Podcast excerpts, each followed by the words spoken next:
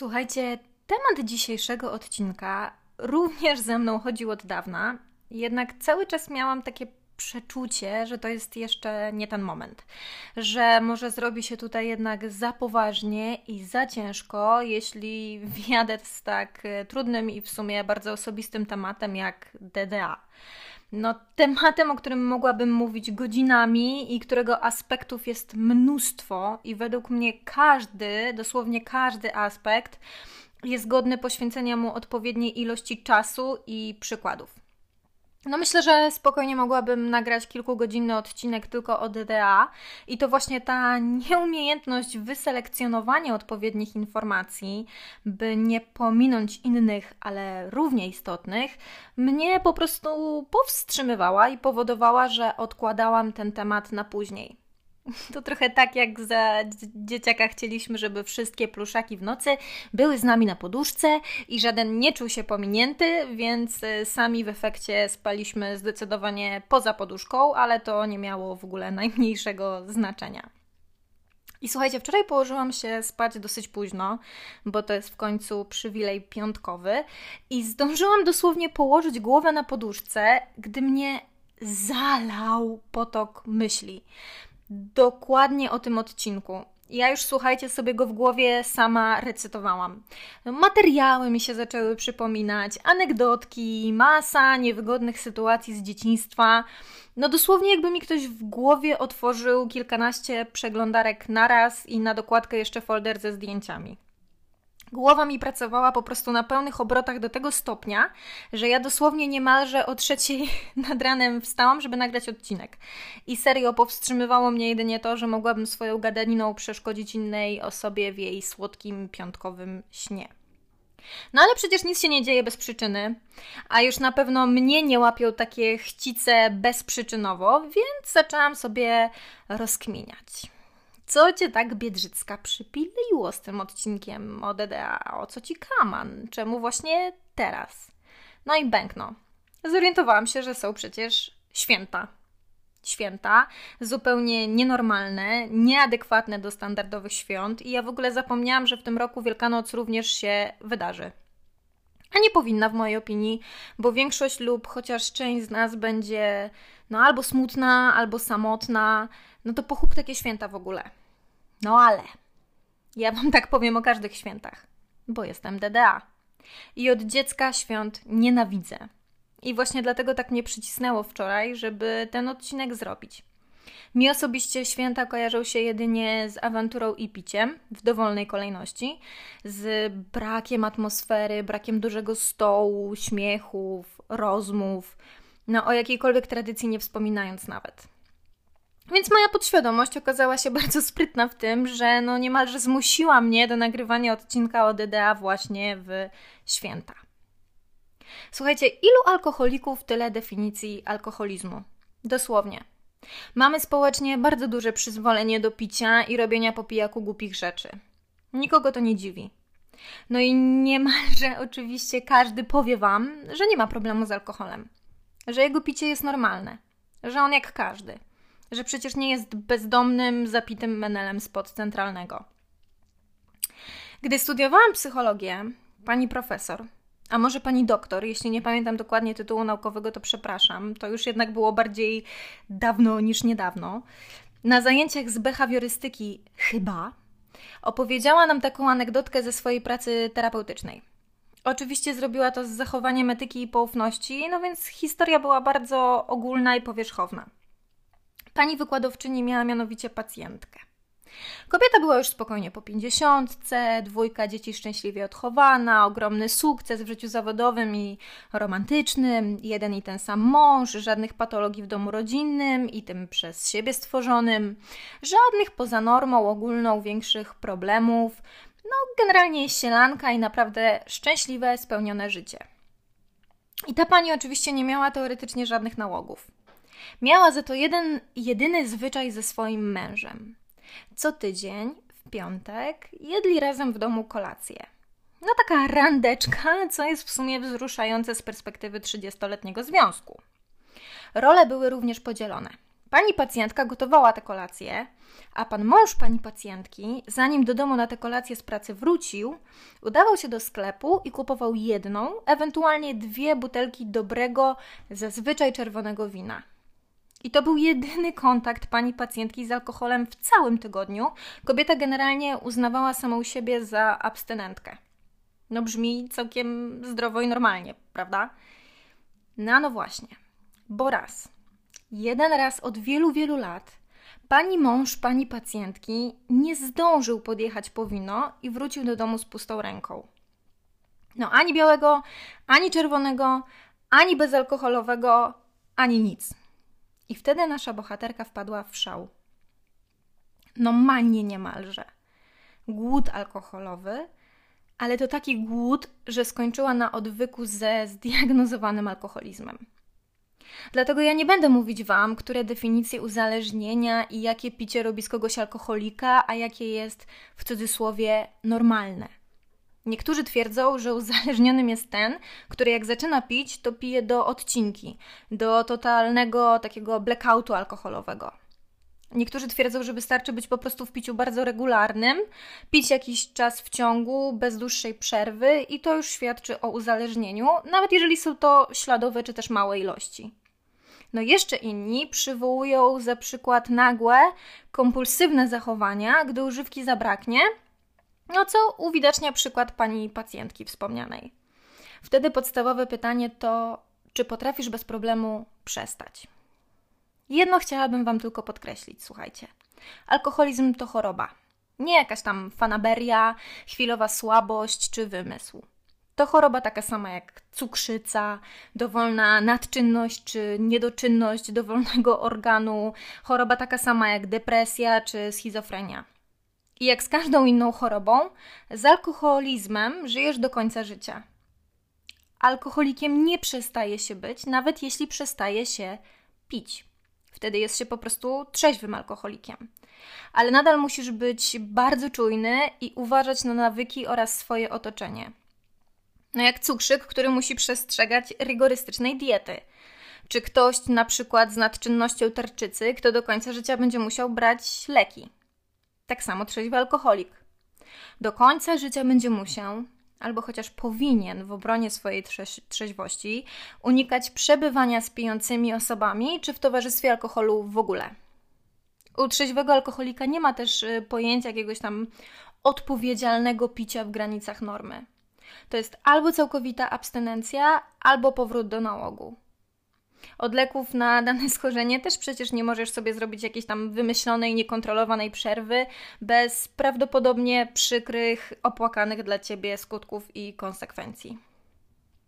I słuchajcie, ja naprawdę kumam, że alkohol spełnia jakieś tam, załóżmy, że w miarę dobre funkcje. No bo ośmiela, rozluźnia, otwiera, no przełamuje pierwsze lody, czy pozwala nie myśleć. Wszystko jest dla ludzi i trzeba liznąć trochę życia, jak to kiedyś mawiał i nawijał Wojciech Soku. No i osobom nieuzależnionym z tym właśnie alkohol się kojarzy. Osobiście mnie to kompletnie praktycznie nie dotyczy, bo ja potrafię bez alkoholu osiągać ten sam y, stan wygłupów i szczerości, co ludzie dopiero po paru głębszych, jednak rozumiem, po co się po to sięga. Natomiast w przypadku alkoholików to działa inaczej. I naprawdę nie trzeba być bezdomnym menelem, żeby być alkoholikiem. Na tę chorobę cierpi masa wykształconych, bogatych, utalentowanych i zdolnych ludzi. No ludzi, o których nigdy byś nie powiedział, że piją. Alkoholizm nie dotyczy tylko albo głównie mężczyzn, choć oczywiście kobiety alkoholiczki narażają się na gorszy ostracyzm społeczny swojego uzależnienia. No, wzbudzają generalnie większe obrzydzenie i niesmak. U alkoholików natomiast alkohol uśmierza znacznie więcej niż niepewność czy śmiałość, jak u typowej osoby no, nieuzależnionej, która idąc na imprezę, żeby móc se bezwstydnie potańczyć na parkiecie, musi walnąć kilka drinków.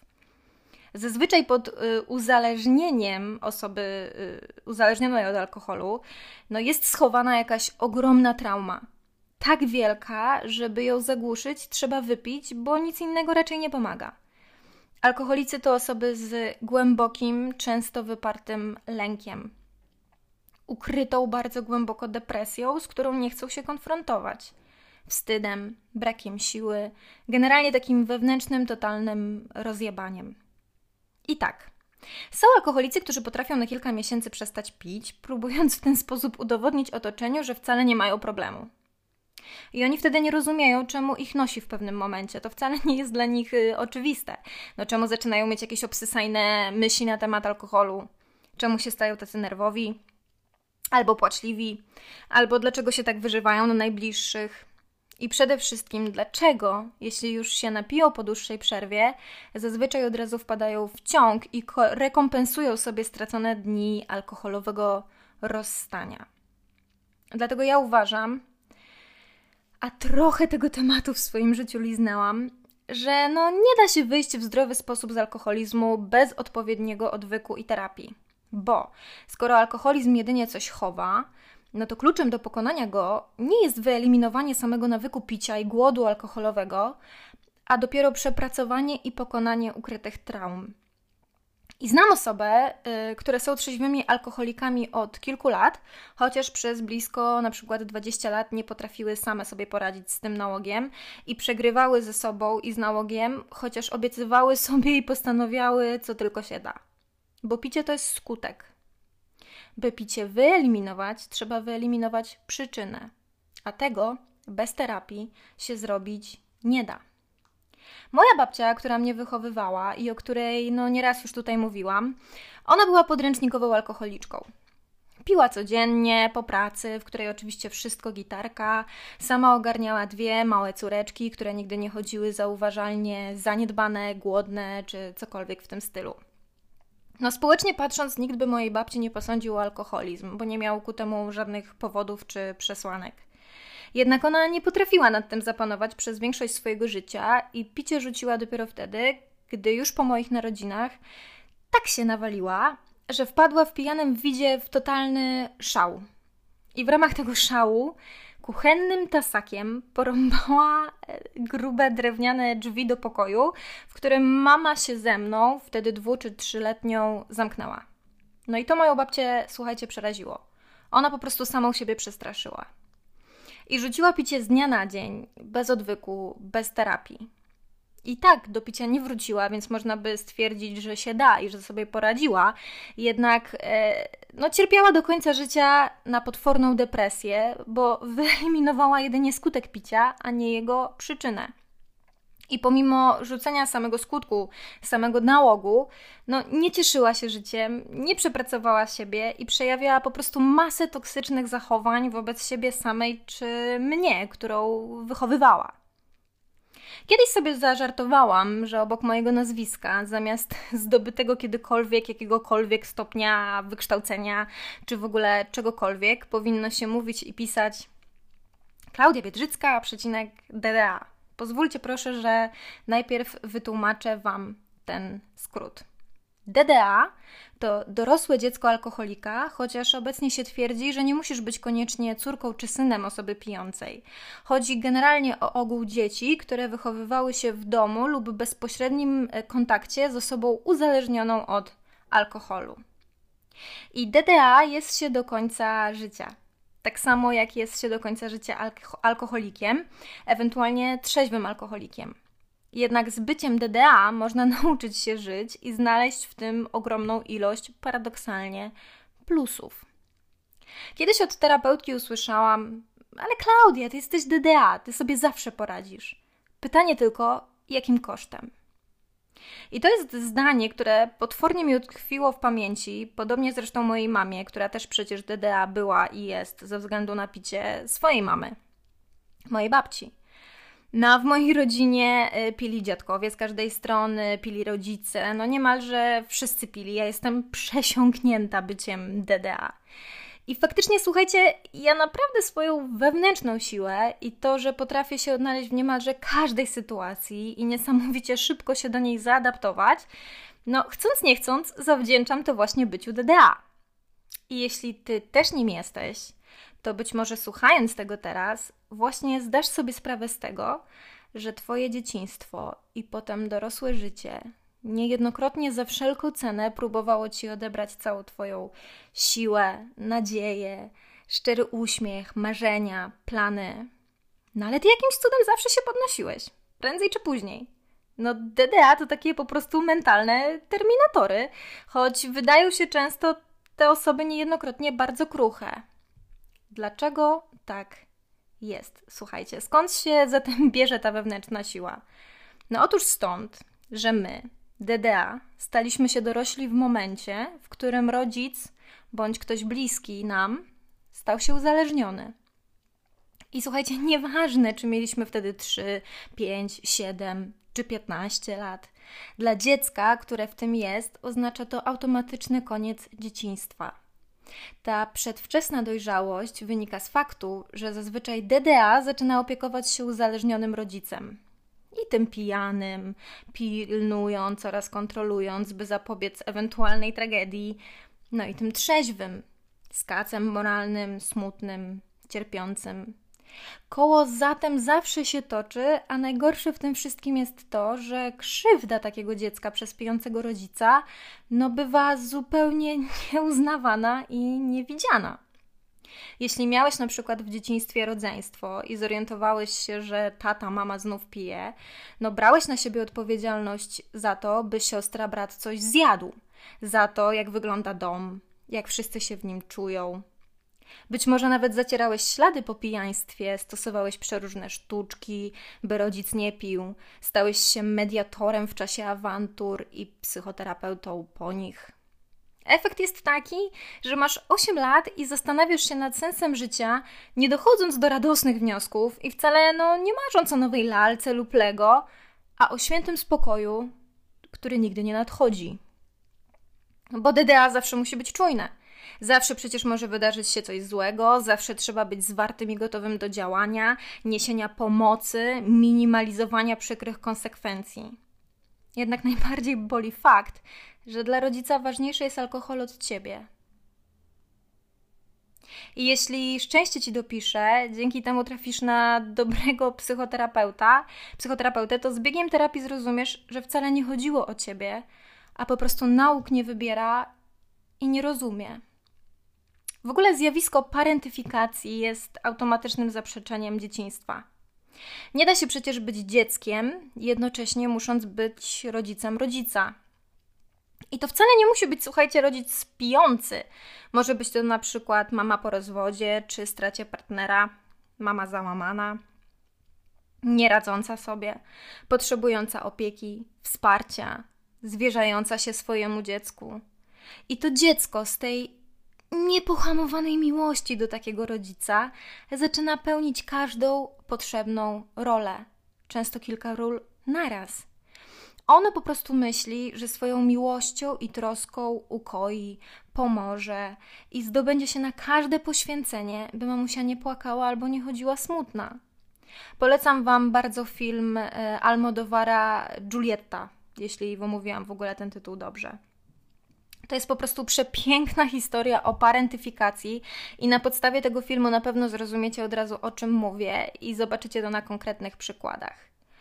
DDA myśli, że swoją miłością uleczy alkoholizm, bo przecież dla mnie przestanie.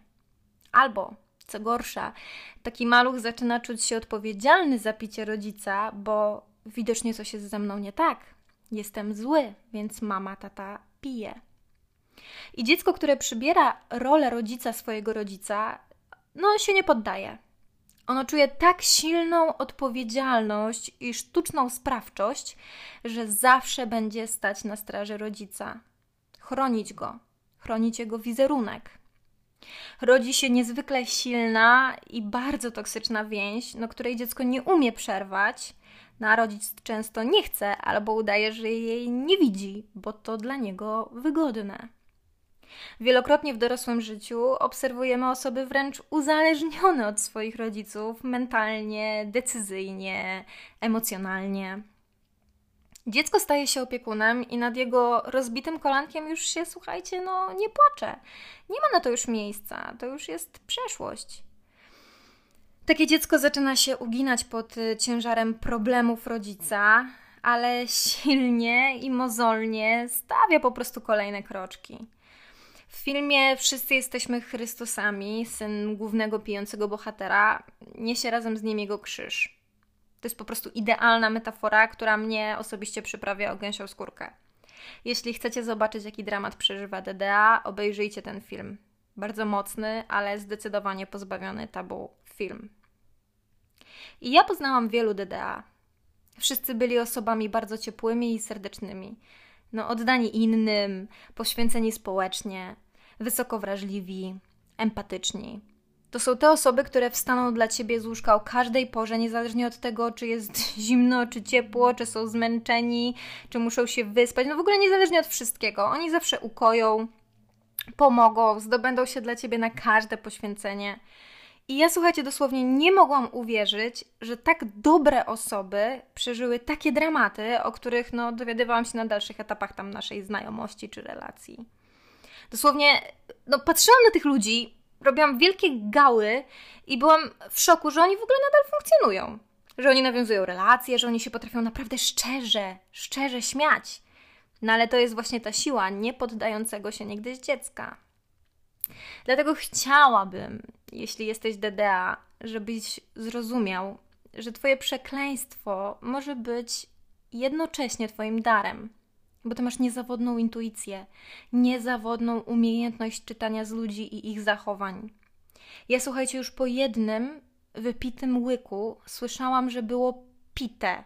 No zmieniał się o mikrotonik głos i ja to słyszałam i tylko ja i wszyscy mi wmawiali, że, że, że no szalałam i że nikt nic nie pił, a ja, ja wiedziałam i ja miałam rację. I ty jako DDA posiadasz niesamowitą wolę walki i życia. Po prostu siłę nie do pokonania. I życie możecie wystawić na każdą próbę, a ty przetrwasz.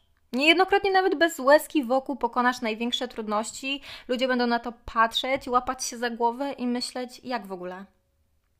Będziesz też zawsze niezawodnym i oddanym przyjacielem oraz partnerem. Osobą niezwykle kreatywną, bo już jako dziecko szukałeś bardzo niestandardowych rozwiązań i analizowałeś ciągi możliwych zdarzeń, by niejednokrotnie im zapobiec. Nauczyłeś się też mieć bardzo dobrą minę do złej gry, więc prawdopodobnie niejednokrotnie przyciągasz do siebie ludzi lub słyszysz pytanie, jak ty to robisz, gdy świat ci się wali, a ty potrafisz z tego nawet perfekcyjnie żartować. Drogi DDA, jesteś zdecydowanie nieszablonowy i niezwykle niezwykły. Jednak jednocześnie nosisz w sobie masę ran. No jesteś emocjonalnie i mentalnie podziurawiony, jak bardzo byś to wypierał, albo jak bardzo byś udawał, że jest ok, to zostajesz w pewnym momencie sam ze sobą, albo różne sytuacje relacyjne czy życiowe weryfikują jednak Twój wewnętrzny, pozostawiający wiele do życzenia w kwestii niegdyś nieobecnej miłości, opieki czy poczucia bezpieczeństwa, no, stan. Założę się, że jeżeli doszukujesz y, się zagrożeń, to bardzo często robisz to w sytuacjach nieadekwatnych, no bo jako dziecko byłeś no, niemalże w nieustającym niebezpieczeństwie. Czujesz się czasem zupełnie nieuzasadniono napięty. No, jesteś też osobą, która panicznie boi się odrzucenia, bo przecież odrzucano cię dla nałogu niejednokrotnie. Być może nie wierzysz, że jesteś dobry, nie wierzysz, że, że jesteś godzien i wart miłości, że w ogóle kiedyś ktoś cię pokocha takiego, jakim jesteś, bez stawania dla niego na głowie i ratowania, bez bycia wybawicielem. Dlatego być może w swoich relacjach doświadczasz po prostu kolejnych i kolejnych nadużyć, na które się godzisz, bo po pierwsze nie chcesz zostać sam, i tak byłeś niesamowicie samotny jako dziecko, a po drugie twoje granice są zdecydowanie przesunięte i rozciągnięte no to rozumiesz więcej. Jesteś dosłownie mistrzem wybaczania i wytłumaczenia czyjegoś zachowania. Nie umiesz odchodzić. Lub, jeśli boisz się za bardzo, nie umiesz właśnie żyć i być blisko, bo boisz się kolejnych emocjonalnych dziur i izolujesz się, by wyeliminować kolejne niebezpieczeństwo nadmiernej odpowiedzialności czy kolejnego przesuwania przez kogoś już ledwo jeszcze w ogóle trzymających się, stojących granic. Jedno chciałabym, żebyś wiedział, mój drogi DDA. Tak, zrobiono ci krzywdę. I naprawdę chciałabym mieć moc sprawczą, by cię utulić i przeprosić w imieniu tych, którzy ci to zrobili, bo być może tobie należnych przeprosin nigdy nie usłyszysz. i w ogóle Twój ból nigdy nie zostanie zauważony i uznany. To wszystko w ogóle nie powinno się nigdy wydarzyć. Ty miałeś prawo być beztroskim dzieckiem, przejmującym się co najwyżej brakiem słońca czy zabawką, której nie dostałeś. Miałeś prawo do opieki, dziecinnej, beztroskiej zabawy i bezwarunkowego poczucia bezpieczeństwa oraz miłości. A problemy, które, które powinno przyjść rozwiązywać, powinny być adekwatne i dopasowane do Twoich faktycznych, dziecięcych możliwości. Przykro mi, naprawdę mi przykro, że tak nie było i mówię to z perspektywy bycia DDA, bo dokładnie rozumiem Twój ból i Twoją stratę. Natomiast czasu nie cofniesz, rodziców nie zmienisz. Pozostaje Ci jedynie perspektywa pogodzenia się i akceptacji straconego dzieciństwa i właściwie straconego wszystkiego, czego musiałeś się wyrzec, by stanąć na wysokości zadania walki z czymś nałogiem czy byciem rodzica rodzicem rodzica. Natomiast, mój drogi DDA, moja droga DDA, możesz samemu sobie ulżyć. Bo na terenie, na terenie całego naszego kraju prowadzone są grupy terapeutyczne stricte DDA. Zazwyczaj są to takie cykle spotkań określonej grupy, prowadzone od jednego do dwóch razy w tygodniu. I są też takie darmowe grupy, Chodząc na takie spotkania i zajęcia, poznasz, zdecydowanie poznasz ludzi, którzy będą do ciebie tak podobni, no że aż nie będziesz mógł w to uwierzyć. Oni będą opowiadać swoje historie, a ty będziesz po prostu odnajdywać idealne analogie do tego, co przytrafiło się tobie. No i razem będziecie rozpracowywać to, co wam się przytrafiło i uczyć się nowych, zdrowych nawyków, działań, podejść. Będziecie się razem wspierać, wzruszać, wzajemnie się wkurzać i zapewniam Cię, że to nie będzie jedynie jakieś mdłe, mdłe głaskanie się po główkach. No terapia grupowa wcale niekoniecznie wygląda tak jak na, na filmach. Dla wielu ludzi podjęcie takiej terapii zdecydowanie było początkiem nowego, znacznie szczęśliwszego i bardziej satysfakcjonującego życia. Nie chcesz grupy? Okej. Okay. Są terapeuci wyspecjalizowani w DDA, współuzależnieniu, uzależnieniu. Poszukaj, popytaj. Jest masa książek, które możesz przeczytać, poczynając według mnie od tych o wewnętrznym dziecku. Zaopiekowałeś się śpiewająco kiedyś swoim rodzicem, więc teraz czas, by równie skutecznie i z równie wielką miłością zaopiekował się sam sobą. Jeśli macie jakieś pytania, piszcie do mnie. Ja zawsze chętnie, naprawdę będzie mi się serce radować, jeżeli będę mogła e, pomóc znaleźć specjalistę, grupę, materiały, książki. Jeżeli po prostu potrzebujecie się komuś e, wygadać, również zapraszam do kontaktu. No ściskam Was po prostu najmocniej DDA, bo Wam się no niezaprzeczalnie należy wszystko, ale wszystko co najlepsze i tylko dobre. Aha, no i słuchajcie, no i mamy te święta w końcu jednak. Więc y, no ja Wam życzę, byście czuli się możliwie jak najmniej dziwnie, smutno albo samotnie. Niech Was coś po prostu mile zaskoczy. No i bądźcie zdrowi i spokojni w tej całej chorej sytuacji. Oby możliwie jak najszybciej, moi drodzy, wszystko wróciło do normy. Dziękuję Wam za poświęcony czas. Ściskam świątecznie. Do usłyszenia niebawem.